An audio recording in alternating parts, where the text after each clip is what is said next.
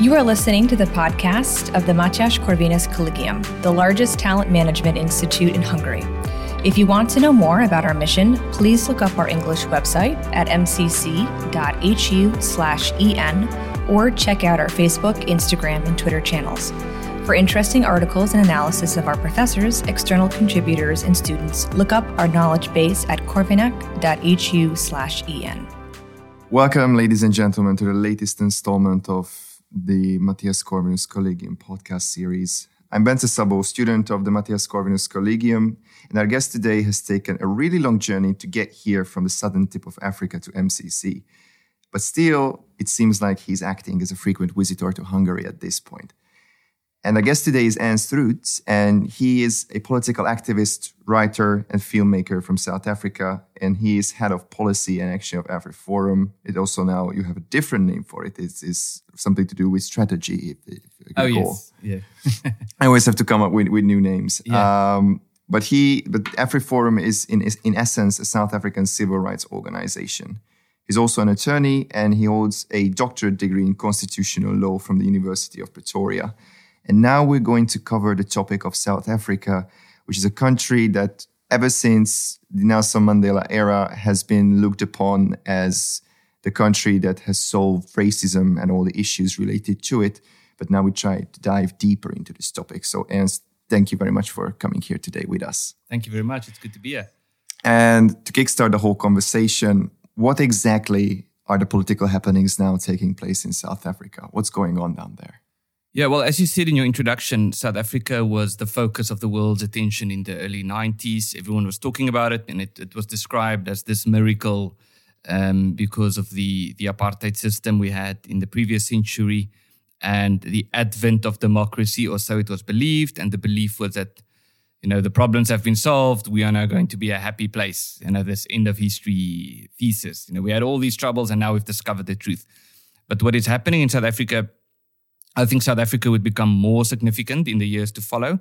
And there are two major things happening now. The one is the unraveling of the South African state on every conceivable level, whether we're talking about service delivery, uh, corruption, crime, education, government debt, uh, riots. Um, there's no measure in, in which South Africa is not c- collapsing, if you want to put it dramatically. And that is significant because that that says to us that the underlying ideology that that led us to believe or the world to believe that South Africa would succeed turned out to be false. And the other important thing that is happening now, which I believe is even more significant, is, is the work that communities and especially our community is doing to sustain itself despite these horrible circumstances. And so we, I represent AfriForum, as you mentioned. We are part of the broader solidarity movement. And um, our main focus is to secure a future for our community by building community institutions that are not necessarily linked to the government, but that are linked to the community. It's funded by the community and it's built through community involvement. And, and we've seen the power, we're seeing the power of that in action in South Africa right now.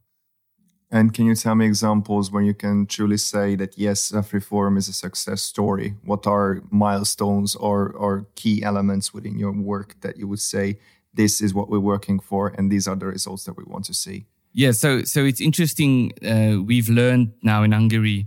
You might say there are there has been historically two strains of thought on how to secure a future for the Hungarians. The one is the Kossuth Lajos approach, which is which is to fight for freedom, and the other one is the István Széchenyi approach, which is to build. And it was very striking to us because that's our slogan at AfriForum: is fight and build. Um, and so obviously you have to do both. Uh, sometimes you have to fight for justice or, or freedom, and sometimes you have to build. You cannot just do the one. And so on both of those areas, we've achieved some significant successes. Uh, I mean, we've won some very big court cases in South Africa. We, you know, we've done the activist things. We had big protest marches and things like that, which often leads to some form of a settlement with government on issues like the maintenance of Pretoria's name, the capital city. The government wanted to change it, and we were able to prevent them from changing it.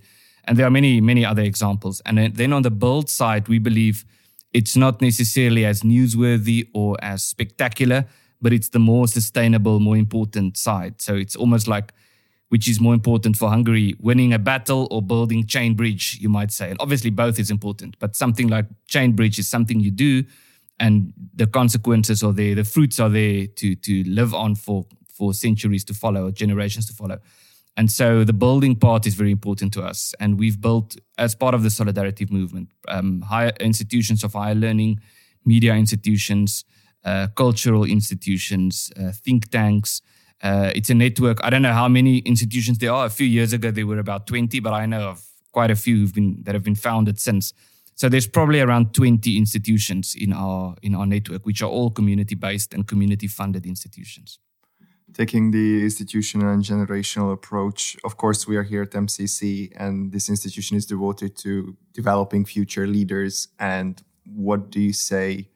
How does AfriForum try to prepare the next generation of, I would say, socially, politically, and strategically aware youth? What What is your youth building? Yes, so there's that like? famous famous saying by Winston Churchill that if you are a student and you're not a socialist, um, you don't have a heart.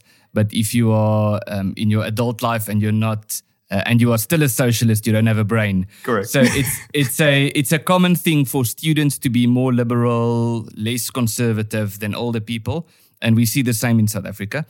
But what happened in South Africa is is people have been disillusioned by reality. Reality has disillusioned them from this idea, this ideological, you know, end of history idea.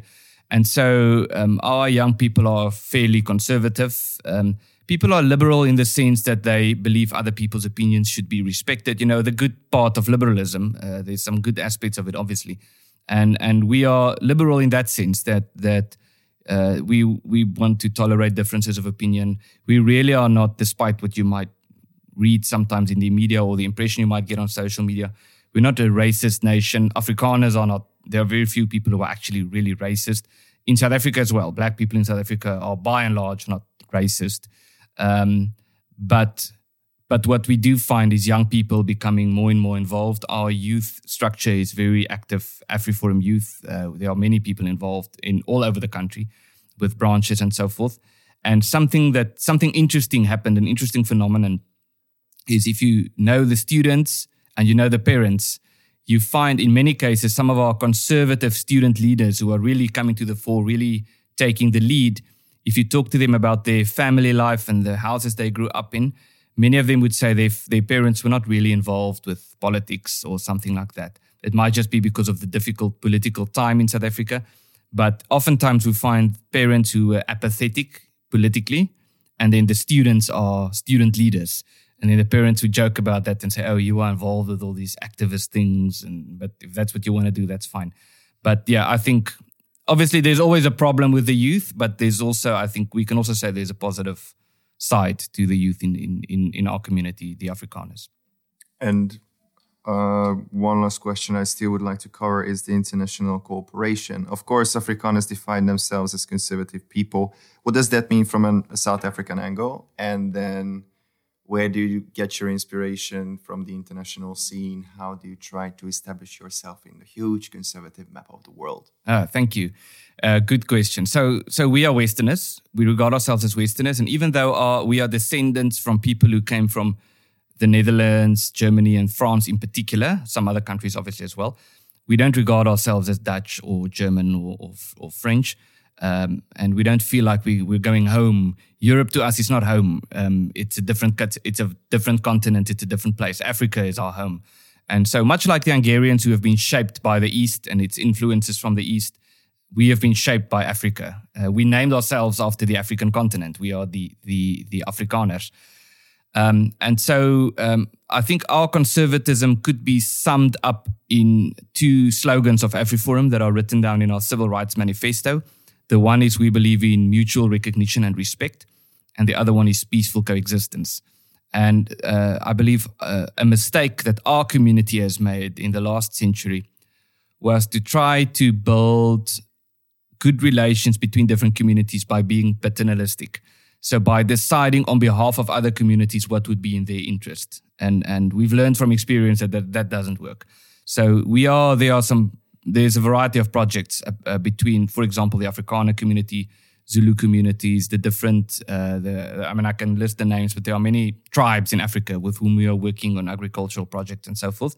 And the secret to success is to respect each other's cultures, to respect each other's the differences, not to try to convince the other group to change, but rather to respect their way of thinking. Um, if there's a local a tribe in Africa who believes in communal ownership of property, we believe in private property, but we're not going to go there and tell them you are wrong. You have to adopt our way of thinking. Uh, we are, we we respect their culture if that's their way of thinking. So that on the one hand, in terms of the bigger question of the Western world, we are Afrikaners, but we are also Westerners. We believe that we can contribute. We can learn a lot from other countries, from Hungary in particular, um, in terms of what's happening with Western civilization. But we also believe we can contribute because we have unique experience we live in a hostile environment. And I think much of Western Europe in particular, and perhaps even North America, might one day find themselves in that spot, even, even Central Europe, um, where suddenly you have a government or authorities who are actively governing against you. Um, and we have to find a way to survive. And so I think the lessons we've learned under these circumstances, uh, which boils down to you know building institutions, making yourself state proof, as we call it, uh, we believe we can contribute especially on that that sphere.